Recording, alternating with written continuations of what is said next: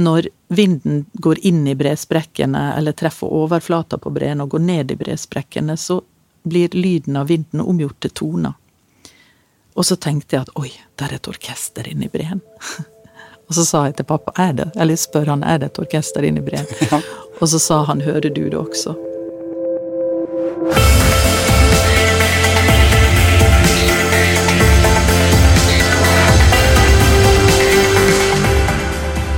Du lytter nå til Utestemmer, Den norske turistforening sin podkast om natur og friluftsliv. Jeg heter Eivind Eidsvåg, og som mange andre så har jeg sett flere av Margaret Olin sine sterke dokumentarfilmer de siste 20 åra. Nå er hun aktuell med en ny storfilm, 'Fedrelandet'. En hyllest til vår aller første kjærlighet, naturen sjøl. Med Margaret sin 85 år gamle far som guide, så får vi oppleve en av Norges mest spektakulære daler, Oldedalen i Nordfjord. Her har pappaen til Margaret sjøl vokst opp, og i denne dalen har flere generasjoner før han levd i pakt med naturen. Jeg har vært så heldig å få se filmen, og jeg fikk gåsehud allerede i første scene. Og etter noen få minutter så begynte jeg å felle de første tårene. Jeg tror rett og slett jeg må innrømme at jeg aldri tidligere har fått en så stor og sterk naturopplevelse i filmformat. Det er ære å ønske Margaret Olin Velkommen til Utestemma, slik at vi kan få høre mer om filmen 'Fedrelandet'.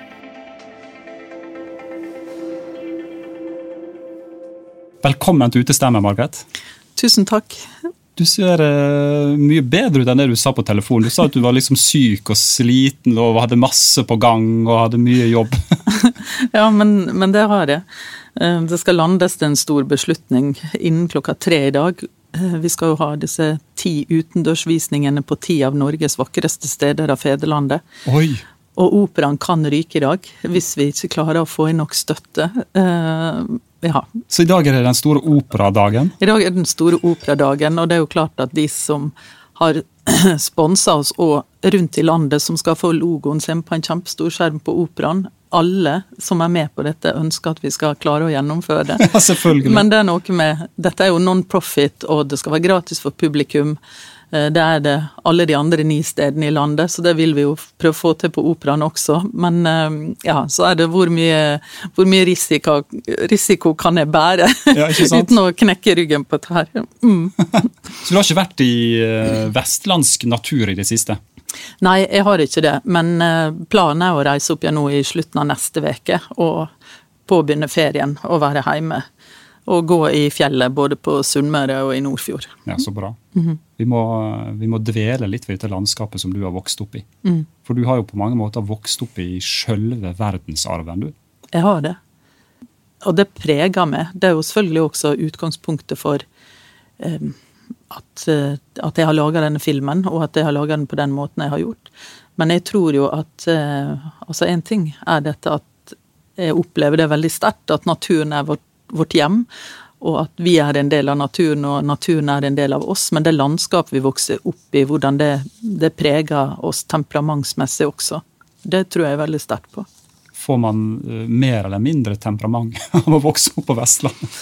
Uh, nei, men jeg tror at uh, altså brå skiftninger i været, alle årstidene på kanskje få timer. Ehm, det å, eh, det å vokse opp i en dramatisk natur hvor du må ta hensyn til naturen og været når du skal planlegge for, for gjæremål.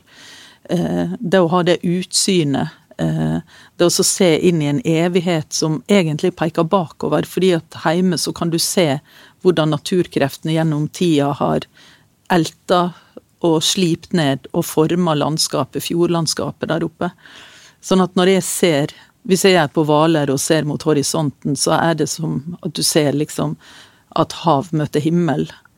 Så er det et utsyn mot uh, fremtid for meg. Når jeg er hjemme, så kjenner jeg på elden og dalen som jeg tar utgangspunkt i min fars dal, er jo Oldedalen. Det er gammelt. Det er liksom det er kulturhistorie, det er eh, klodens historie. Det er liksom Jeg kjenner meg dypt forbundet til alt som ligger bak også, når jeg er der oppe, da. Og, ja. og, det, og det, bærer en jo med seg. Og, og, det der med den dramatikken, da, at eh, at jeg kan i samme setning eh, snakke om døden, og så kan vi le Um, at, at? At, at, det er noe som følger lynnet, da, tenker jeg. Ja, ja. Mm. Alt er mulig Alt. innenfor kort tid. ja, ja, sant. Du har altså farsslekta fra Oldedalen. Og så har du sjøl vokst opp uh, i bygda Stranda, mm. i hjertet av Sunnmørsalpene. Og så er morsslekta di også fra Vestlandet. Enda ei vakker bygd. Fra Horningdal. Ja, ikke sant? Mm. Så da har du egentlig de, noen av de tre vakreste plassene på Vestlandet i blodet. Ja. Ja, ja det, det, er veldig bortskjemt. sånn sett. Og da er jo spørsmålet hvorfor, hvorfor har du bosatt deg her i, i, Oslo sentrum et sted? ja, um, når jeg var um, Når jeg vokste opp hjemme Jeg, var, jeg hadde jo hest. Uh, ja. Begynte å ri når jeg var ti år. Og, uh, og Fidel ble min når jeg var 17, og han levde jo i 29 år, så det å liksom få lov til å tilbringe tid med et annet levende vesen over så lang tid. Han var jo min bestevenn, venn, Fidel.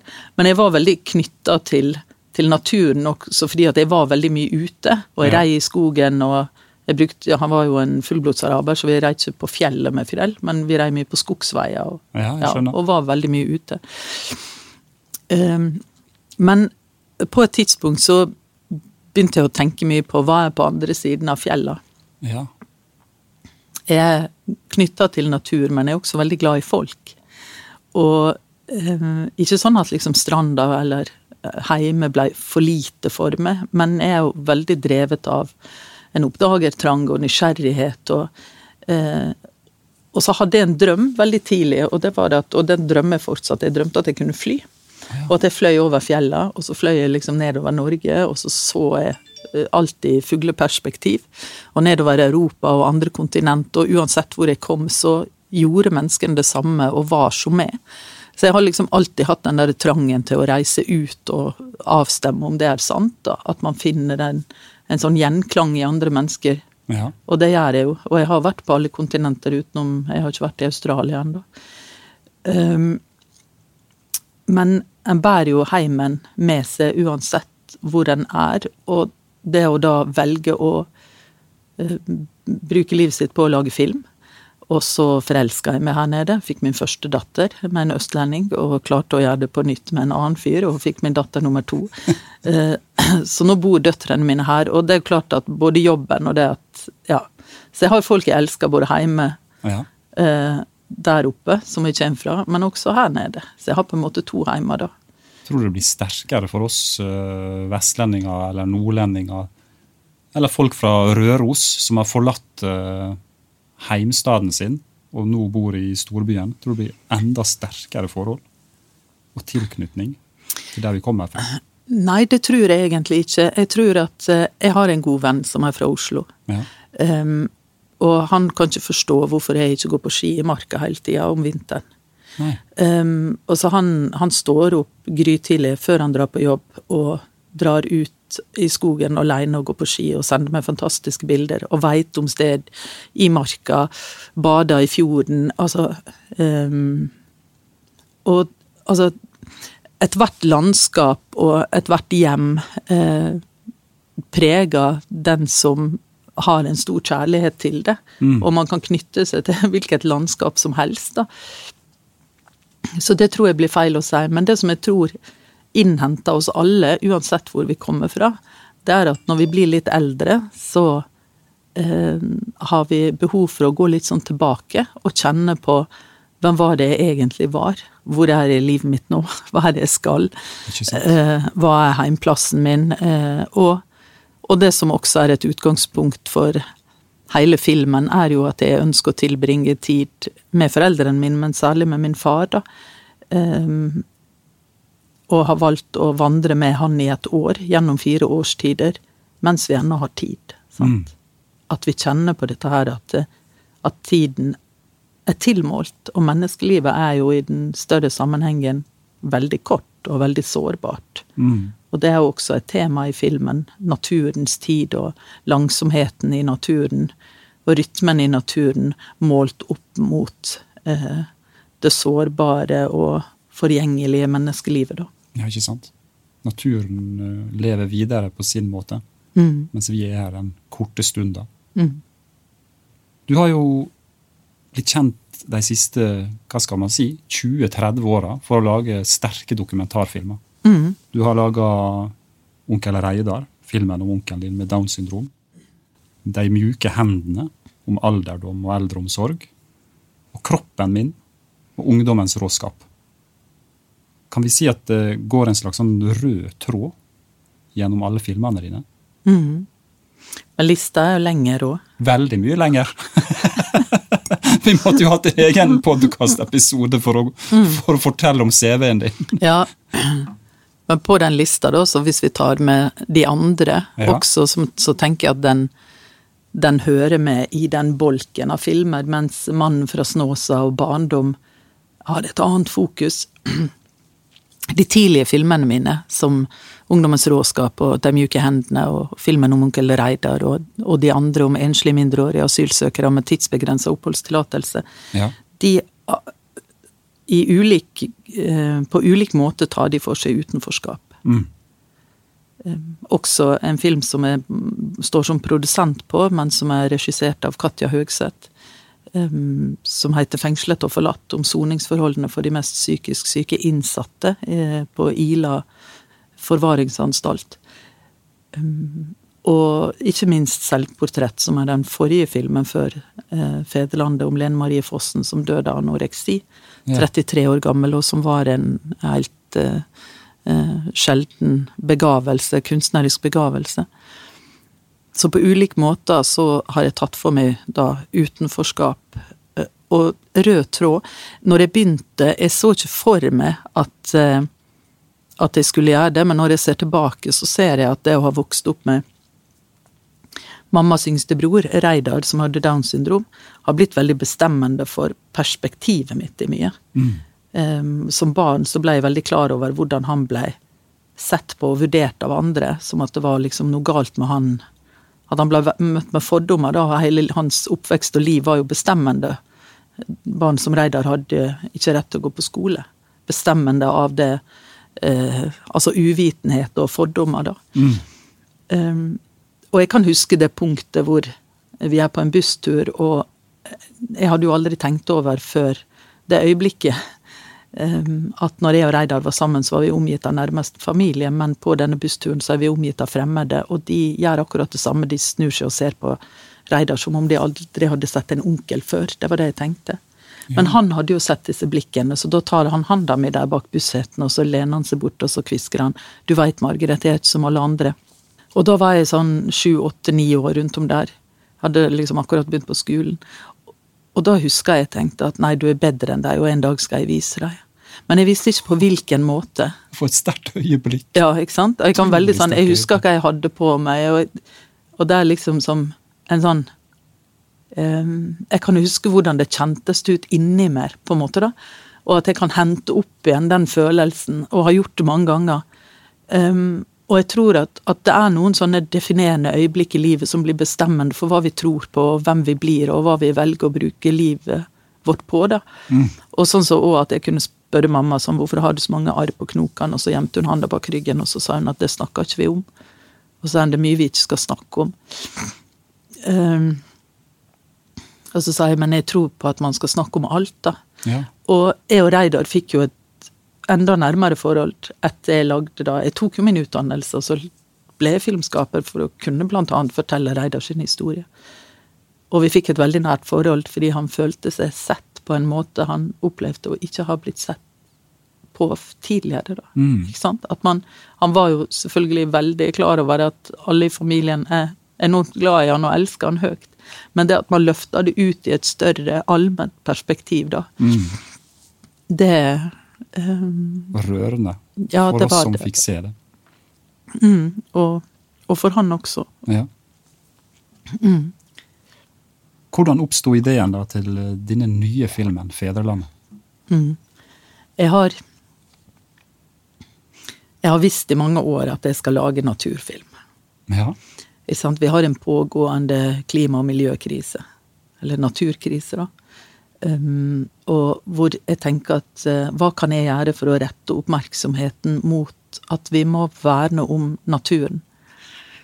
Um, og så har jeg jo, sånn som jeg ofte gjør, at uh, Altså, jo lenger inn i det nære, uh, subjektive, personlige du går, jo mer allmenngyldig blir det.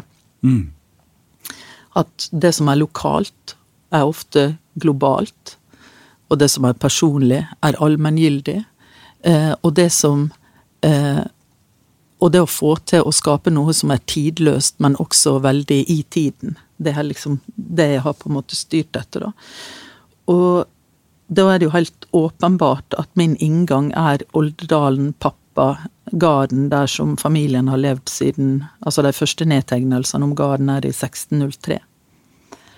Eh, og der har våre forfedre trakka opp råsene i fjellet. Der har de bygd steingjerde. Der har de sendt eh, maten, holdt jeg på å si, eller det som blei til mat, da, eh, eh, høyet ned fra Sætre slott på løypestreng.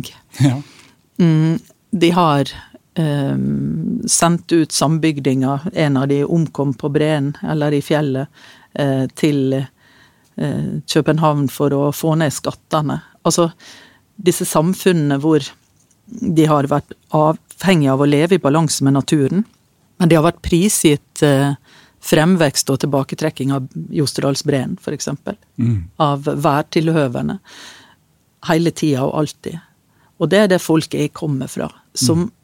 veit at hvis vi ikke tar hensyn til naturen, så har ikke vi noe her å gjøre, egentlig. Nei. Og når pandemien begynte, og det ble snakka mye om hvor, hvor starta det, og er det handelen med ville dyr Jeg har også vært eh, vegetarianer nå i 28 år. Eh, altså, og det handler jo om å ha en respekt for alt levende for meg. Og det er ikke det at jeg kommer jo fra to eh, slekter som alltid har drevet med gårdsdrift, og jeg har ingenting imot måten de driver og forvalter det på. Men jeg har mye imot at, eh, hvordan det industrialiserte landbruket foregår. Ikke sant? Eh, og så må en ta standpunkt i forhold til det en tror på, da. Men for meg så er det sånn at um, det er et sånt stort bakteppe som handler om mitt forhold til natur og dyr og det, det ønsket om å løfte frem og skape egentlig en kjærlighetserklæring til naturen, også mine foreldre og min far, at For jeg tror at det vi bryr oss om, det tar vi vare på. Mm. Så filmen 'Fedrelandet' er en påminning om um, vår dype forbindelse til naturen. Når vi er ute i naturen, da, eh, så fylles batteriene og mitt favorittsted på jorda, det er Briksdalen innerst i Oldedalen. Det er en dal som veldig mange har besøkt som turister. Og innerst i Briksdalen, den er forma som ei gryte. Fjellene er slette, slipt ned av bre. Eh, de er veldig høye. Og så ligger Jostedalsbreen kranser rundt hele, og den er hvit i himmelsjå, og den er blå i himmelsjå. Så det er et veldig sånn vakkert syn. Men ut av breen så kommer disse voldsomme brudeslørene og fossefallene. Og alt dette når du er der på året. Du kan være der på vinteren, og da står isen loddrett ned over flere hundre meter. Så har Vålefossen fryst. Ja. Og så kan du stå der oppe, og så knekker den, og så står du og så ser du det, at all den isen ramler ned, eksempel. Ja, ja. Men det jeg skulle si, det at eh, Briksdalen er forma som en gryte Hvis jeg er der oppe på sommeren og på kveldene og turistene har dratt eh, Det kan være fint å være der med turistene og når de prøver å ta seg eller ta av seg skoene får det til, men når de prøver å gå ut i Brevatnet barbeint um, Men på sommerkveldene, da, og sola har stått på og varma fjellet, så er jo steinen varm. Eller fjellet varmt. Og det er, sånn, det er en sånn boost. Det er ingenting i livet, nesten, utenom å være sammen med liksom Intimt, sånn nært med eh, mennesker man elsker, da. Som recharger batteriene, og som er så mye påfyll av liksom livskraft som det. Og det er tilgjengelig for oss, og det er tilgjengelig for oss gratis. Mm. Og, eh, og det tror jeg at mange har glemt. Og at vi lever så stressa liv at vi, ikke, vi, tar ikke oss tid til det. Eh, og mitt første minne av at pappa tar med meg til Breen, jeg, jeg kanskje er fem-seks år. Og da lå Jostedalsbreen, nå har den jo de siste 25 åra trukket seg tilbake sånn 800-900 meter. Briksdalsbreen er en arm ut fra Jostedalsbreen. Nå henger den høyt oppe i fjellsida, men da når jeg var liten, så lå den ned på vatnet. Mhm. Og da gikk vi jo opp dit, og når vi gikk i fjellene jeg gikk med pappa, han sa nå ofte ikke så mye. Vi var nå bare ute og tok inn om våre omgivelser.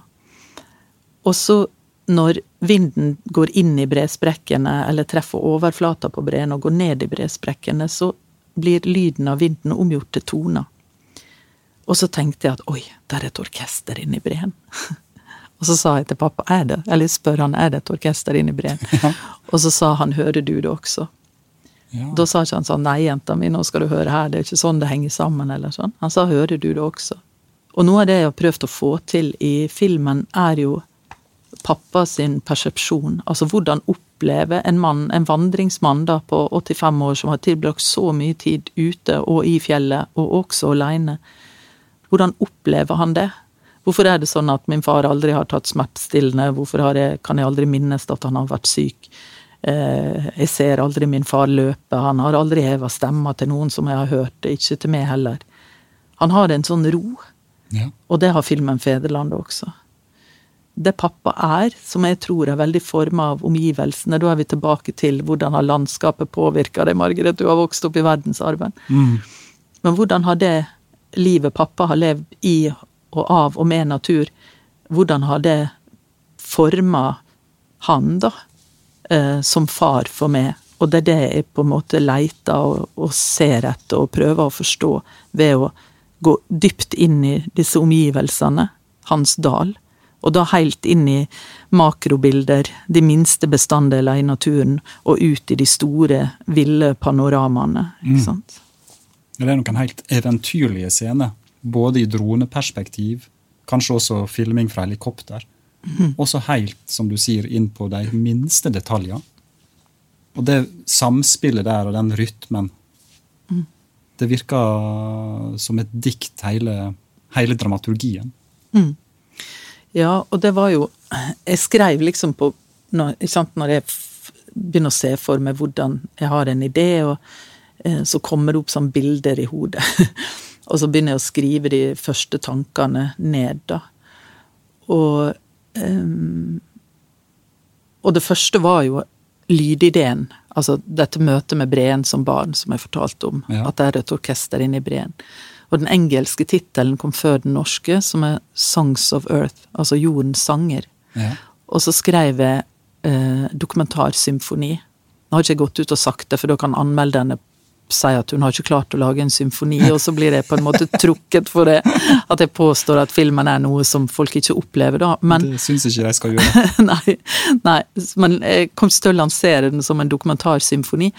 Men likevel så har vi jobba med å fange uh, Vi har senka mikrofoner ned i bresprekkene i Osterdalsbreen. Ja.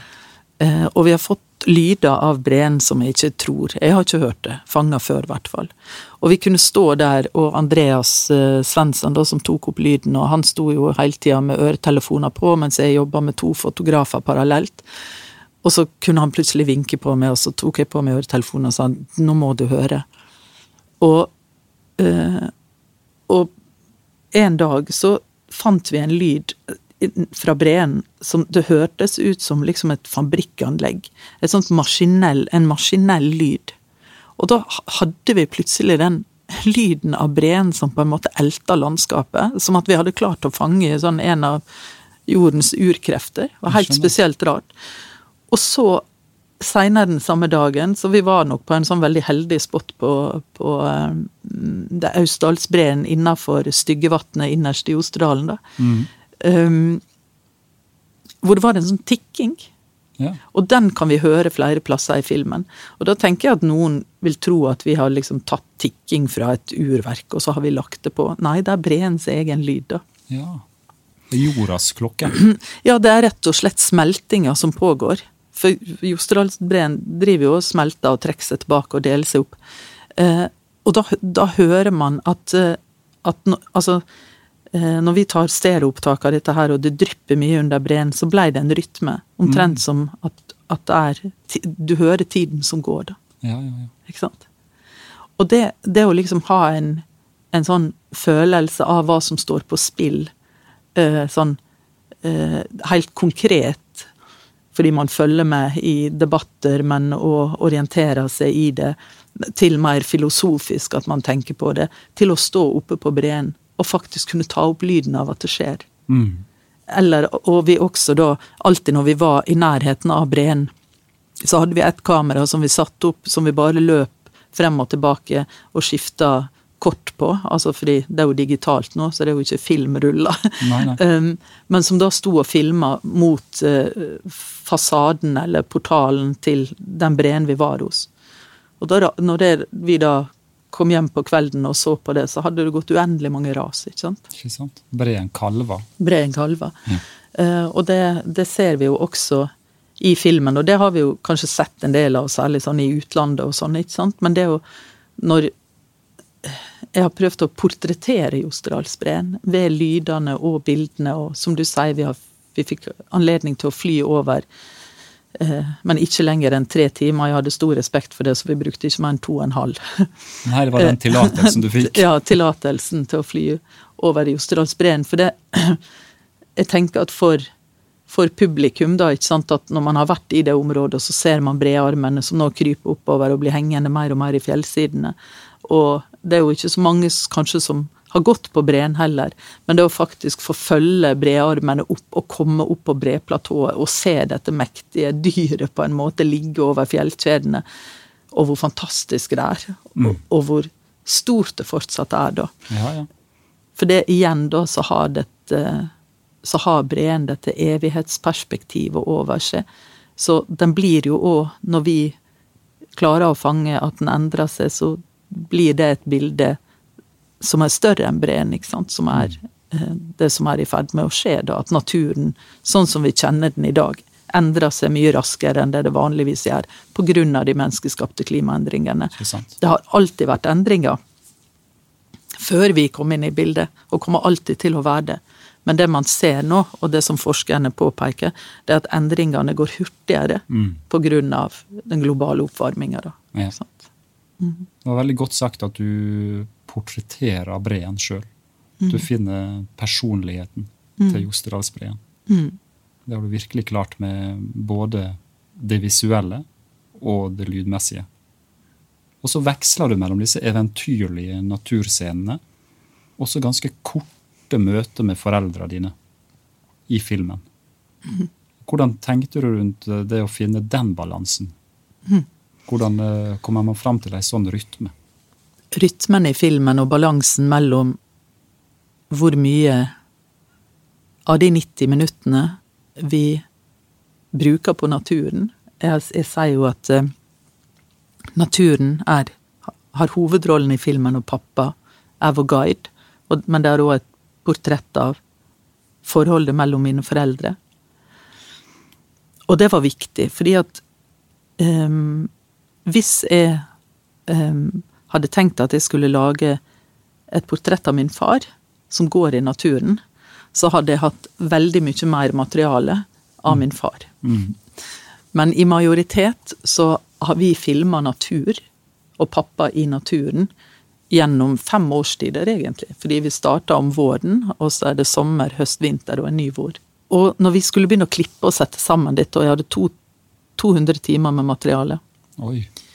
så sa jeg til klipperen min at eh, for det enkleste å gjøre, det er å logge mm, intervjuene med pappa, alle scenene med foreldrene mine, og begynne å klippe det. Klippe fram et narrativ. Et klassisk narrativ, sånn som man vanligvis gjør. Ja. Men det sa jeg, det. De godsakene der, de skal vi vente med. ja. Eh, vi skal se på naturbildene. Eh, første dagen i klipperommet så satt Misha på stolen sin, min eh, polske klipper som bor i Stockholm. Jeg hadde gitt Misha i oppgave å finne noen av de at verdens beste symfonier, altså klassisk musikk, og så hørte vi på det. Bare gjorde det første dagen i klipperommet. Og jeg lå på gulvet og hørte, med lukka øyne, og så, hørt, så snakka vi om hvordan de store symfoniene, hvordan de er bygd opp. Hvor mange repetisjoner. Eh, og ser på det her nesten som matematikk. Selvfølgelig følelsen det vekker, det er jo åpen, åp, opplagt, mm. men også rent sånn matematisk. Sånn hvordan eh, Hvordan den bygde opp, liksom. Mm, og så satte vi opp på tavla eh, prolog, epilog, årstidene, og begynte å se på hvor lange må de ulike være. Hva, og så tenker jeg da, for jeg har gått gjennom eh, materialet mange ganger, så jeg har det veldig sånn under huden. Hva er det vi skal få lov til å komme tilbake til flere ganger? Jo, det er Briksdalen. Ikke sant? Briksdalen i alle årstider skal vi se på. Eh, og da, da klipper vi frem på naturens premisser hver årstid. Vi lagde på en måte en liten kortfilm som er naturens rytme i en årstid, ut fra det materialet vi hadde. Og så plasserte vi pappa inn. Nettopp. Fordi at hvis ikke, så hadde um, Så hadde vektinga blitt annerledes. Ja. Da er det et portrett av mine foreldre eller far, da. ikke sant. Mm. Uh, men så Så tidlig i klippen så hadde naturen enda større plass, ikke sant. Uh, men så satte jeg Altså, hva, hvorfor har jeg laga filmen? Jo, det er jo dypest sett at uh, jeg forbereder meg på at jeg en dag skal miste foreldrene mine. Så det jeg dypest sett gjør, er at jeg, jeg skal prøve å um, Hva skal jeg Hva er ordet? Jeg skal prøve å akseptere døden. At døden er en del av livet. At døden ikke er endelig og at livet overgår døden. Det er jo det dypest sett det er den, det er den forståelsen jeg trenger å få i mitt liv, der som jeg står. Mm. Um, og pappa, det, det, var pappa sin idé at vi skulle gå et halvt år. Og følge årstidene. Og, um, og på det tidspunktet så sto jeg i en sånn livskrise på lag. Eh, min partner Eh, nå begynner det å bli flere år siden. Eh, men han falt om på gata, var 47 år gammel av et massivt hjerneslag. Oi. Og eh, alt vi var og det vi hadde sammen, det endra seg i brøkdelen av et sekund, og jeg hadde veldig problemer med å akseptere at det hadde skjedd. Og så ble min yngste datter alvorlig syk. Og så slutta jeg å sove og fikk liksom panikkangstanfall. Sånn. Det har jeg aldri hatt, men sånn at jeg fikk sånne brystsmerter at jeg Og ikke klarte å puste. At det var sånn Fordi jeg var i så alarmberedskap. Fordi eh, min partner han havna i koma, og i to år så var han mer dødelig enn andre og hadde fire store operasjoner i hodet. Og da trodde jeg at jeg kunne miste en av de to av de jeg er mest glad i, sånn bare. Mm. Og da dro jeg hjem igjen til pappa og sa jeg klarer ikke å leve livet mitt lenger. Jeg får ikke til, jeg vet ikke hva jeg skal gjøre. Jeg vet ikke hvem som kan hjelpe meg, men jeg trenger hjelp. Og det jeg hadde, var jo en stor sorg over det tapet, det som jeg og Roy hadde mista, som var mellom oss. Vi er som bror og søster i dag. Eh, men òg så måtte jeg på en måte få tilbake tilliten til at uh, dattera mi kom til å få den hjelpa hun trengte, at vi skulle klare å komme oss gjennom det. Men det var på en måte overload, det var for mye samtidig. sant? Jeg skjønner. Uh, og da sa pappa vi skal gå en tur. Det er jo som regel svaret hans på ting. Han sa det? Han sa det. Jeg tror vi må gå en tur, Margaret. Når jeg spurte han om hjelp og hva jeg skal gjøre, og så sa han men jeg tror vi skal gå i et år. Og da kom jo pandemien og gjorde dette mulig. For da kunne ikke jeg gjøre noe annet av det som var satt opp at jeg skulle gjøre det neste året. liksom. Alt. Og da, den helga etter de hadde det altså Regjeringen Solberg hadde sin pressekonferanse og stengte ned Norge, så ringte jeg hjem og sa at nå vi skal ta den turen men kan jeg ta med teamet og filme det? Og da skjønte jeg jo plutselig at nå faller jo alt dette sammen. Altså det at jeg har ønska å lage en film hjemme, og når skal jeg gjøre det, og ta utgangspunkt i pappa og Oldedalen og Og da snakka jeg med han og sa han, hvor vil du ta med meg, hvor skal vi gå, og så snakka vi om det, og vi skal ta de og de fjellturene, og vi skal høyt, og vi skal langt, og vi skal opp på breen, og Men jeg tror at det som var min fars hemmelige plan, var at eh, når du går gjennom et år på den måten, og med kamera, makroobjektiv og eh, vide linser for å ta panoramabilden. Det å virkelig gjøre et nærstudie. Og du følger livet som kommer og folder seg ut på våren. Og fylden, abundance om sommeren. Og skiftningen om høsten. Og fargene som forsvinner, og snøen som kommer. Og det blir et grafisk landskap. Det blir sort og hvitt og grått og blått i Olderdalen på vinteren. Og så kommer det en ny vår. Mm. Og det er jo at livet overgår døden. Og midt oppi alt dette så snakka jeg min far, med min far og min mor om at jeg er redd for å miste de, og, og så sier pappa at eh, eh, når vi blir borte, så er det klart du må få lov til å sørge, men du skal tenke på de gode stundene som vi har delt, og blir livet ditt så mye lettere. Um, og, det, og det har gjort at jeg har på en måte akseptert det som skjedde med meg og min partner. Um, og um, jeg begynte å sove igjen. Og jeg slutta å få panikkangstanfall. Jeg er kanskje fortsatt litt sliten.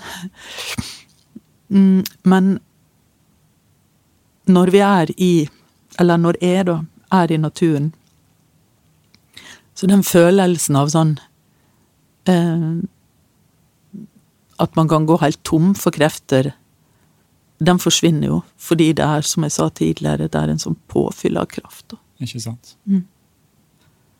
Og det er det pappa har gitt meg. Ja. En klok mann med en plan. ja, rett og slett. ja. Det er jo ikke tvil om at foreldrene dine har det som jeg kanskje vil karakterisere som et vestlandsk språk.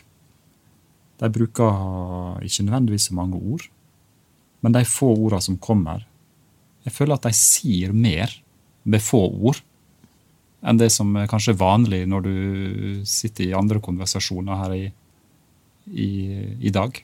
Mm. Absolutt. Pappa sier blant annet i filmen så sier han at det, Ehm, det med at jeg er så glad i blomster, sier han, det har jeg jo etter mor mi. Jeg hadde ei farmor som var fantastisk med blomster. Sånn det man kaller grønne fingre. Hun Nei. hadde et sånt hagegjerde som inne i Olderdalen hvor turistene stoppa og tok bilde. Og potteplanter i vinduskarmene som hun hadde knollene i, i, ute i fjøsen på, på vinteren i vinduskarmene der. Og hun stelte dem som hun stelte sine egne barn, på en måte. Ja. Eller barnebarn. Og um, Men så sier han da i filmen så sier han at uh, det å gå i høgfjellet og se blomster eller vekster som har slitt seg fram mellom steinene uh, Fargen på dem, uh, den er klar og sterk på en måte som andre ikke er. Og for meg, da, som har eh, portrettert mange som har Eller ikke mange, men flere som har sittet mange år i fengsel, eller som har vært eh, inne i lukka psykiatriske avdelinger, eller eh, Som har uh, levd med overlevd oppvekster, da, kan, som man vanskelig kan tenke seg at noen kan overleve, egentlig. Så er jo min erfaring at uh, det pappa sier om blomster, er overførbart til oss mennesker også. Mm. At mennesker som Ofte så sier folk om meg vet du, at uh, Margaret lager filmer om svake folk. Det er jo liksom en total misforståelse. Eller har laga filmer og portrettert veldig mange av de sterkeste blant oss. Ikke sant. Men utsatte. Mm. Uh, og sterkeste i form av at de har funnet frem og vært nødt til å gå steder i seg selv som vi andre har vært forskåna fra, fordi vi ikke har vokst opp så utsatt. Mm. Og har funnet frem til en styrke og en overlevelseskraft. Og noen har gjort det i møte med natur, eller møte med et enkeltmenneske som snudde alt, eller til og med i møte noen ganger med helse- og hjelpeapparatet vårt, ikke sant. Eh, men de har vært steder med seg selv som som gjør at når pappa sier at eh, de som har eh, de blomstene som trenger seg frem på høgfjellet i Nordfjord, fargen på de, den må man nesten oppleve. Så kan jeg på en måte si det samme at min venn som har sittet 16 år i noen av Norges tøffeste fengsel, han må du nesten oppleve. Mm. Ikke sant? Så der så Du har helt rett da at eh, vestlendingen bruker få ord, men når vestlendingen først sier noe, så har han kanskje tenkt veldig lenge. I hvert fall en metaforenes mester, vil jeg si. da. ja. Virkelig. Mm. Og så velger du også å, å eh, la mora di synge. Mm. Noen plasser alene, andre ganger flerstemt sammen med, med far din. Mm. Og ganske tidlig i filmen så, så synger hun en sang hvor hun brått må slutte. Mm. Det blir for sterkt for henne, Mm. og det blir for sterkt for meg. Mm. Så jeg kjenner at der kommer min første tåre. fordi, fordi det er så ærlig vist fram. Mm. Og vi som seer og lytter får være med på noe ekte, føler jeg. Mm. Så du har vært utrolig nær foreldrene dine i disse filmopptakene. Mm. Og den nærheten, tenker jeg, at denne filmen her eh, virkelig klarer å hente fram det unike i. Og du kunne vel kanskje ikke laga denne filmen med noen andre enn foreldrene dine? Nei, da hadde ikke det blitt sånn i det hele tatt. Og du kan si Jeg tror nok at en styrke i mange av mine filmer er nærhet. Ja. Det tror jeg. Uansett om det er liksom måten noe er filma på. At man prøver å få fram en stofflighet i det vi ser på. Mm. Men også i møte med Lene Marie Fossen. Jeg husker at når, hun, når jeg møtte henne, hun som døde av anoreksi, og som var en fantastisk fotograf, så sa hun jeg trenger ikke å si så mye til det, Margrethe, det er som at du veit hvem jeg er. Mm. Eh, og hva, hva er det å du som dokumentarist, hva er det, eller som journalist òg, kanskje Det å få tilgang hos et annet menneske, hva er det? Og for meg handler det om å åpne et rom eh, hvor man lytter. Og også i møte med mine foreldre. Det er dattera som, som filmer mor og far. Men det er også filmskaperen Margaret Olin som lager et rom hvor det skal kjennes trygt for de å ta frem og løfte frem for meg eh, også det som er sårt, da. Mm. Og det er jo det som mamma gjør. Jeg ber henne synge Nordfjordsangen, også i det verset som handler om foreldre, så knekker stemmen hennes, og så sier hun at hun klarer ikke å fortsette. Og så bryter sangen der, og så klipper vi oss til stua hjemme, og så sier hun at eh, at foreldrene ligger i bunnen av alt. Mm. Og det gjør det for meg. Eh, Jeg er 50, og hun er i 70-åra, og det er det for henne. Og det er for min far, som er i midten av 80-åra. Mm. Og det er det for min datter, som er i 20-åra. Så det er, eh, det er noe veldig allment over dette, men når det blir formidla eh, åpent og nært og sant, og sånn som mamma klarer å gjøre, så fungerer det godt. Mm. På mange måter så har jo du filma og fortalt om kjærligheten til din egen familie, til dine egen foreldre og, og storfamilien og generasjonene bak. Og samtidig så er dette her en fantastisk kjærlighetserklæring til naturen. Mm. Er det det at det er to kjærlighetshistorier samtidig som gjør det her så kraftfullt, tror du? Ja, kanskje. Eh, For det, det er det det er. Um, og så Jeg har tenkt mye på sånn nå, nå er det jo en stund siden satte, vi satte siste bilde, på en måte, i klippen, og filmen har hatt premiere i utlandet eh, nå i vår. Mm -hmm. Og fått fantastiske anmeldelser ute, og så kommer den hjem nå til høsten. Mm, Og det er jo klart at eh, jeg er jo sånn skrudd sammen at jeg tenker på hva er mitt neste prosjekt. Og det å Det at jeg har gjort så mange filmer som er sånn sosialpolitiske og handler om utenforskap og folk som har levd på utsiden og, og tøffe liv, da, så er jo ikke sånn at når jeg er ferdig med de filmene, at jeg legger det fra meg. Jeg bærer det med meg. sant? Mm.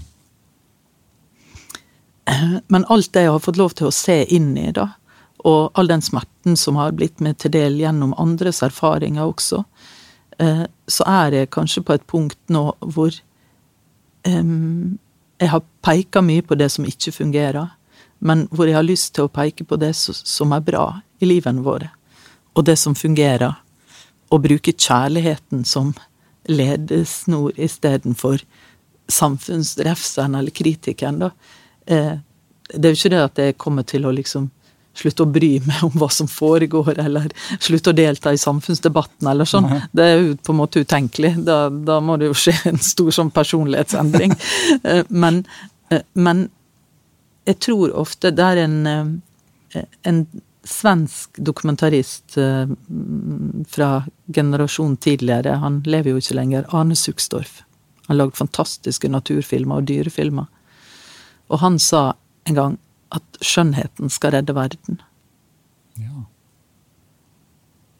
Og et eller annet sted så tror jeg at eh, Jeg har tenkt mye på de som har makt i samfunnet, og hvordan kan jeg utfordre de til å bli visjonære og ta djerve valg og, eh, og, stå for ting mer enn, man, mer enn neste gjenvalg, liksom. Eh, hva kan jeg gjøre der for å bidra til det? Men kanskje jeg skal tenke mye på hvordan kan jeg inspirere dem?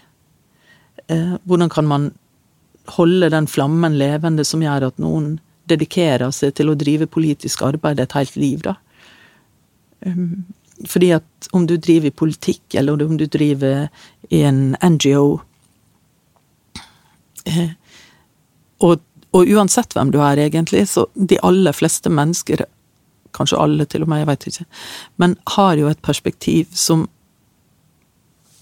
som tenker på eh, flere enn en selv. Mm. Ikke sant? Og det må vi. Vi skal absolutt ha i forsetet våre aller nærmeste. Men vi er også nødt til å liksom tenke utafor vår egen klan, da. Og også på de som ikke ligner oss. um, altså det å, det å bygge samfunn Vi kan på en måte tenke i dag at vi lever i et så uh, at vi har alle godene og rettighetene, og at det er så likestilt land og sånn. Men det som er bygd, det må fortsette å bygges, og det må ivaretas. Mm. Og de rettighetene vi tar for gitt, står hele tida på spill. sant? Og det kan, vi kan ikke tenke at noen andre skal gjøre det arbeidet for oss. Vi må delta i den dugnaden, da. Det er jo en verdidugnad, tenker jeg. Mm. Mm.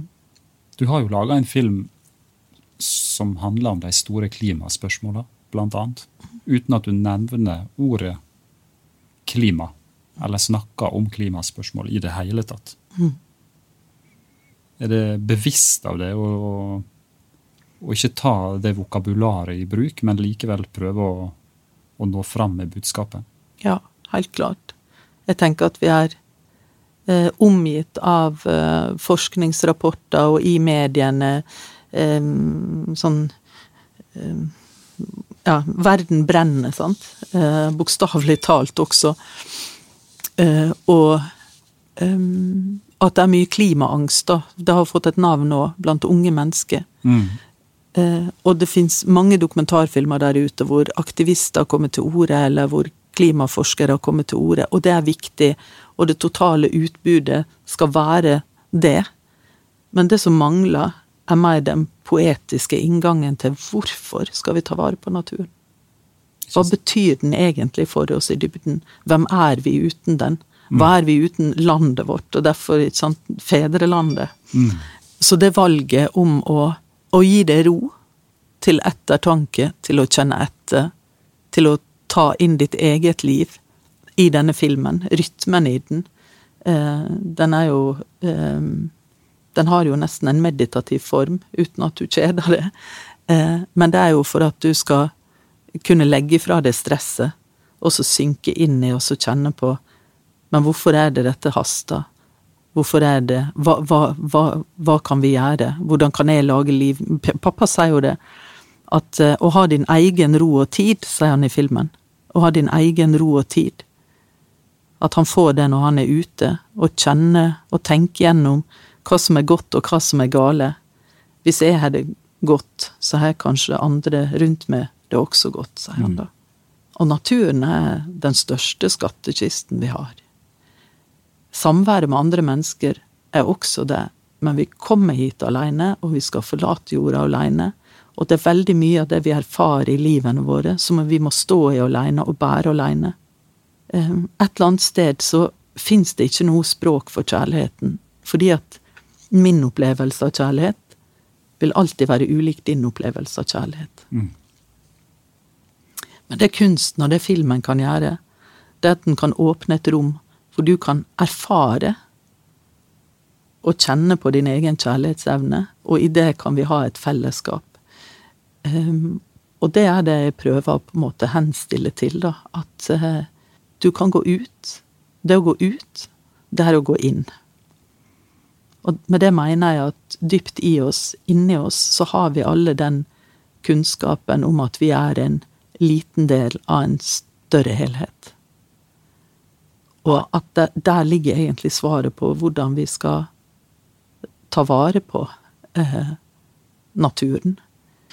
Og derfor er det jo at når filmen nå kommer ut i høst, at vi går ut med denne utendørskampanjen og Friluftslivets uke, at vi har sendt mailer til alle skolene, at vi vil anmoda eh, eh, lærerne At vi anmoder lærerne til å ta med elevene, til å sove ute, lytte til lydene i naturen, Songs of Earth, rapportere tilbake til oss i Speranza Film, og så kan vi poste dette, og så kan vi dele dette. Eh, og at vi lærer oss til å lytte. Kloden har en fortelling å fortelle oss. Mm. Og fedrelandet er en del av den fortellingen. Godt sagt. Og vi kan også som seere nyte denne filmen på det jeg vil kalle for utendørskino. Mm. Du har noen spenstige lanseringsplaner som du fortalte om helt i starten av samtalen. Og Det er ikke bare Operaen i Oslo du håper på, men det er bl.a. en visning på DNT-hytta Gjendesheim mm, ja. i Jotunheimen. Jeg, jeg, fikk en tanke om at Eller jeg fikk opp et bilde, egentlig, plutselig, en kveld. Jeg får mye bilder i hodet. Og så fikk jeg en bilde av lerret, kinolerretet, på noen av Norges mest vakre steder. Ja. Og så satt jeg i radioen på NRK, og så sa jeg at nå utlyser vi en konkurranse. Send inn forslag. Hva, Norges, hva, hva syns du er Norges vakreste, råeste sted, hvor du kunne tenke deg å se en naturfilm utendørs? og så fikk vi inn flere hundre forslag. Dere gjorde det, ja? ja. Og så er det da generalsekretærene i WWF og i DNT og i Norsk Friluftsliv sammen med en fra Visit Norway og bygde kinoen, og jeg og min far, som har snakka og sett på disse forslagene. Så bra at far din er med i juryen. ja. Han stoler jeg på. ja, ikke sant? Og så har vi nå endt opp med ti steder. Ja. Og det er da um, Vi kan begynne i Oldedalen. Det er tre visninger på Vestlandet. Vi fikk helt klart mest inn forslag fra Vestlandet, men det er vel de som er mest oppmerksom på fedrelandsfilmen som kommer også. Men skal, den skal vises til Oldedalen. Den skal vises til, uh, bak Breheimsenteret i Jostedalen med innsyn til Nigardsbreen, som er en av de vakreste brearmene i landet. Den skal vises i Trivselsskogen på Sandane, uh, som er et anlegg hvor de har lagt veldig mye til rette for eh, fremkommelighet for de med nedsatt funksjonsevne. Ja. Jeg klarte ikke å si nei til Trivselsskogen på Sandane. Reidar bodde stor del av livet sitt på Sandane. Og når okay. de hadde fokuset ja, Min onkel med Downs syndrom. Så jeg har jo en tilknytning til Sandane også, men det å løfte frem Trivselsskogen med det fokuset de har på at naturen skal kunne oppleves av alle, det er viktig. Så skal den vises på Ljøen, som ligger i Stranda kommune, med innsyn til verdensarven og innsyn til Geirangerfjorden. Ja. Så skal den vises på Stokkøya i Trøndelag, strandbaren der, eh, som er et veldig, veldig vakkert sted. Den skal vises på Reine i Lofoten. Den skal vises inne i Andersgrotta i Kirkenes, fordi at når vi kommer så langt nord og midnattssola, så er det lyst hele døgnet. Så da må vi inn, inn, i fjellet. Og fjellet er jo så viktig i denne filmen, så da er det noen som får lov til å sitte inne i fjellet og ta imot ja, ja. en film om fjell og bre. Eh, så er det Gjendesheim i Innlandet. Eh, og det er eh, Stangholmen fyr i Risør. Og da kan folk komme med båt. Så da har vi Sailing kino på sørlandskysten. Og så er det operataket. Og operataket er det dyreste, så det er den som eventuelt ryker. Det er derfor jeg har telefon på under denne samtalen.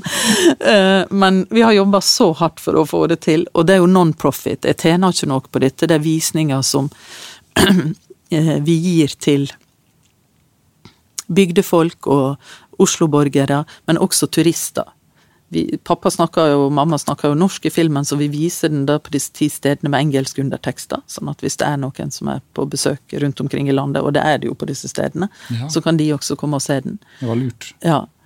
Um, og så um, har vi sponsorer fra hele landet. Noen er inne med 5000, noen er inne med 60 000.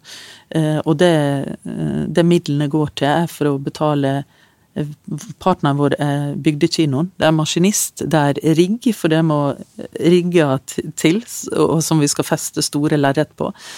Og, og, det tekniske, og noen steder vakthold, innleie av benker. Altså helt sånn for å få, få det gjennomført, da. Jeg skjønner. Mm. Dette kommer til å bli de vakreste kinoforestillingene vi har hatt her i landet.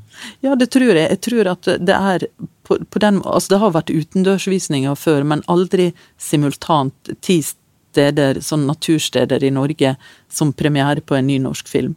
Eh, så det er en litt sånn storslått idé, og jeg virkelig tror og håper at vi skal få det til. Eh, men det er også litt den der dugnaden, da.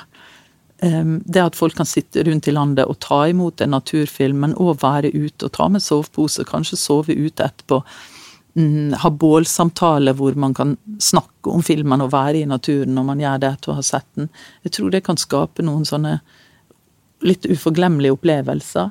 Og Universitetet i Lund i Sverige og Universitetet i Oslo de driver også og jobber med å skape, skrape sammen midler til å Eller skaffe midler, må vi si.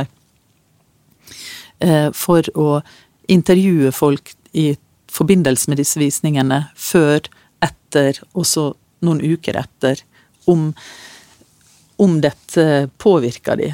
Har de tilbrakt mer ut, tid ute? Planlegger de for å gå mer i fjellet, eller å Ikke sant? Um, ja, så rett og slett sånn måling av impact, da. For det er jo en impact-kampanje. Ja, ja. Vi vil ha folk ut mer, egentlig. Veldig lurt å måle det òg. ja. jeg gleder meg til å se resultatet. Jeg håper at alle sammen tar uh, følelsene sine på alvor. Og mm. kommer seg enda mer ut enn de kanskje gjorde før filmen. Mm. Du må nesten få lov å si hva dato det her blir. Dette er 5. august. Da må vi prøve å legge oss den på minnet. Mm. Og for alle som hører denne podkasten etter 5. august, da går filmen på kino. Det gjør den. Eh, filmen går ut på kino i hele landet 1.9. Men eh, så startpunktet blir, eller har vært, 5. august med ti utendørsvisninger. Vi er til stede under Arendalsuka på Bærekraftscenen, hvor eh, klima- og miljøvernminister eh, eh, Espen Barth Eide er i samtale med unge stemmer innenfor klimadebatten. Og så reiser jeg på turné og har førpremiere rundt i hele landet før og opp mot 1.9., og den skal også være med på filmfestivalen i Haugesund. Så det er litt av et løp i august, og det er mange muligheter til å møte med og teamet for filmen, og Liv Ullmann blir med til Trondheim på førvisning der. For hun er en av produsentene? Ja, det er hun, sammen med filmskaper Wim Wenders. Så da kommer jeg og Liv til å snakke om livets skjørhet, sårbarhet, alderdom og hjem. Eh, ja, jeg kanskje snakk om naturen som vårt hjem, og hun om sin forbindelse og nærhet til Trondheim, og hva det har vært for henne. Så bra. Mye å glede seg til. Vi nærmer oss dessverre vår tilmålte tid her, men vi har eh, en fast spalte som heter Mer eller mindre faste spørsmål okay. til vårt kjære intervjuobjekt. Er du klar for deg? Yes. Har du eh, noen personlige erfaringer fra Turistforeninga som du vil dele? Har du ei favoritt-DNT-hytte, f.eks.? Mm, nei, det har jeg ikke. Eh, men, men, det jeg har, det er eh, at turlaget i Indre Nordfjord At jeg har gått med de over Oldeskaret. Og de stiene som vi går i høgfjellet hjemme, de er merka med disse T-ene. Ja. Sånn at eh, DNT er med på å holde meg på riktig rås og riktig spor. Ikke sant? Noen ganger, ikke sant, når du kommer virkelig høyt i fjellet, så kan det være vanskelig å orientere seg, fordi at eh, det er ikke noe skog, så stien eller råsa er ikke opplagt hvor du skal gå, da. Men da har de jo denne T-en eh, på stein eller på fjell, og så kan du følge det, så du ikke går det vill i fjellet. Det er et vakkert symbol, den røde T-en. det er et veldig vakkert symbol. Og et av de vakreste turlagsnavnene, Indre Nordfjord Turlag. Mm. Men det var, det var, godt fortalt. Hvis du skal velge en favorittur, da, kanskje en topptur på Vestlandet, hva vil du mm. anbefale da? Jeg tror at det må bli Oldeskaret, ja. som jeg har gått med de over. Eh, da går du jo fra Stardalen i Jølster. Hvis du eh, hvis du skal gå den letteste veien, så går du der, og så går du over fjellet og ned, kommer du ned i Oldedalen. Men det som er barskt da, det er at det er omtrent 1000 meter rett ned på Oldedalssiden. Da går du ved siden av Vålefossen. Eh, men det er jo eh, Og det er hardt for knærne. Ja, 1000 meter rett. ja, og det er veldig eh, det, og det er veldig bratt, og det er steinete, og man skal ikke gå der når det er vått og sleipt, i hvert fall. Men du kan gå andre veien òg. Ja. Du kan gå opp fra Oldedalen. Eh, det er tungt når du går opp, men du kan hele tida stoppe, og så kan du snu det. Og så får du kanskje regnbuen fra fossen. Ja. Eh, og så er utsikten så fantastisk. Og når du da kommer opp på høgden, på en måte Den første rå oppstigninga, som er kanskje sånn 600 meter, da, rett opp, rett opp så ser du inn mot Briksdalsbreen og ut mot vatnet og hele dalen og sånn.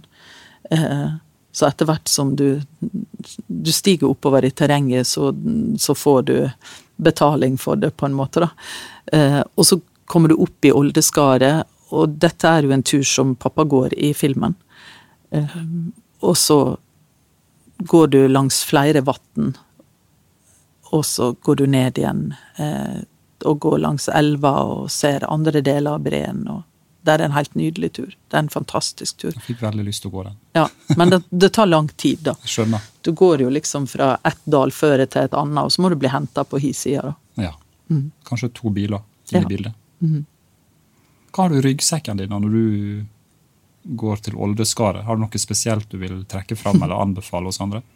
Vann ja. Det, eh, for det er ikke alle plasser du får tak i vann, men en sånn trekopp Sånn at du kan drikke av uh, rennende vann ja. over, på overfarten. Rent vestlandsk vann. Ja. Oldevann det kan kjøpes på flaske med, veit du. Driver litt reklame for deg. Ja. Uh, men, men også har jeg med tøyskift. Lett tøyskift, så det er ikke tungt å bære på, for du veit aldri hva hvordan været kan overraske når du går sånne turer. Eh, og så bruker jeg faktisk å ha med knekkebrød. Og så bruker jeg å ha med eh, solbriller og solkrem. Og så har jeg med sjokolade. Jeg har alltid med sjokolade. Ja, så bra. Det har jeg når jeg går rundt her i byen òg. det var bra triks. Det er ikke alle som gjør. Nei. Ta med seg sjokolade rundt omkring i byen. Mm. Det hjelper, det. det hjelper Blodsukkerfallet kommer. Ja. Bruker du å skryte litt av fjellturene du går på Instagram? Nei, ikke så mye. Det er, mer, eh, det er nok mer på Facebook, da. Men jeg, sånn, jeg er ikke så mm, flink på Instagram. Men jeg har noe sånn at det jeg poster på Facebook, tror jeg går etter Instagram. Ja, ja. Ja, men det blir jo på en måte litt det samme, da, det du spør om. Er jeg på sosiale medier og sånn? Ja, det er kanskje det. Det blir veldig mye fjellposting nå utover høsten i forbindelse med filmen og sånn, så folk får nå bære over. Men det er fine bilder, da. Det, det, er det. Som filmskaper, da, har du noen tips til oss som har lyst til å skildre naturen med videokameraet vårt? Oi. Ja. um, det er jo veldig mange som har drone nå Ja. i vår tid. Og så er vi jo så vant med at dronen liksom flyr fort og sånn langs med eh, fjellet eller inntil, eller at det er litt sånn maskulin fotografering med, med drone. Godt sagt. Eh, Men la droner henge, liksom. Altså det å se naturen fra et annet perspektiv enn altså fordi nå har vi jo alle fantastiske kameraer på mobilene våre, ikke sant. Og det er jo noe med at du ikke bare tar opp telefonen og så tar du et bilde, men at du tenker på framingen, da. Altså liksom utsnittet. Ja. Og, og lyset, hvor du stiller det i forhold til lyset. Men har du noe tilgang på en drone, så så det som er genialt med dronen, det er jo at den kan gi et annet perspektiv. Selv om jeg drømmer at jeg flyr, så flyr jeg jo faktisk ikke. Men det som også er, særlig når du er på Vestlandet, da, så kan du jo selv være en drone hvis du går litt opp i høyden. Og da får du jo òg dette andre perspektivet. sant? At du ser fjordarmene ovenfra, eller at du ser innover liksom høyfjellet. Godt sagt. Du må ha lykke til med lanseringa nå i høst. Og god tur. Du også. Hvor skal du på tur? Mange forskjellige plasser. Håper at jeg skal innom f.eks. Ljøen rundt 5. august for å se filmen din på utendørskino. Ja, ja, det må du gjøre. Det må de gjøre. Det satser jeg på. Tusen takk for at du tok deg tid til å besøke oss i dag. Ja, takk skal du ha.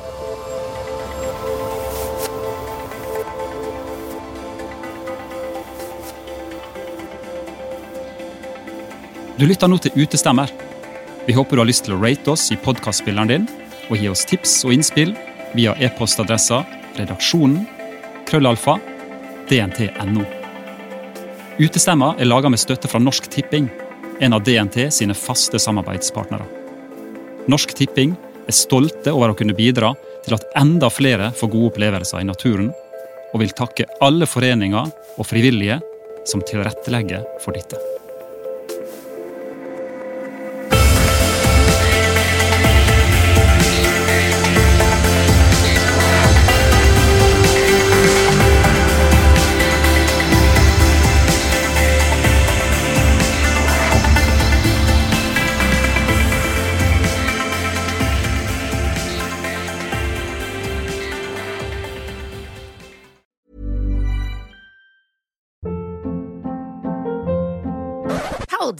What was that? Boring. No flavor. That was as bad as those leftovers you ate all week. Kiki Palmer here, and it's time to say hello to something fresh and guilt-free. Hello Fresh. Jazz up dinner with pecan-crusted chicken or garlic butter shrimp scampi. Now that's music to my mouth. Hello Fresh. Let's get this dinner party started. Discover all the delicious possibilities at hellofresh.com.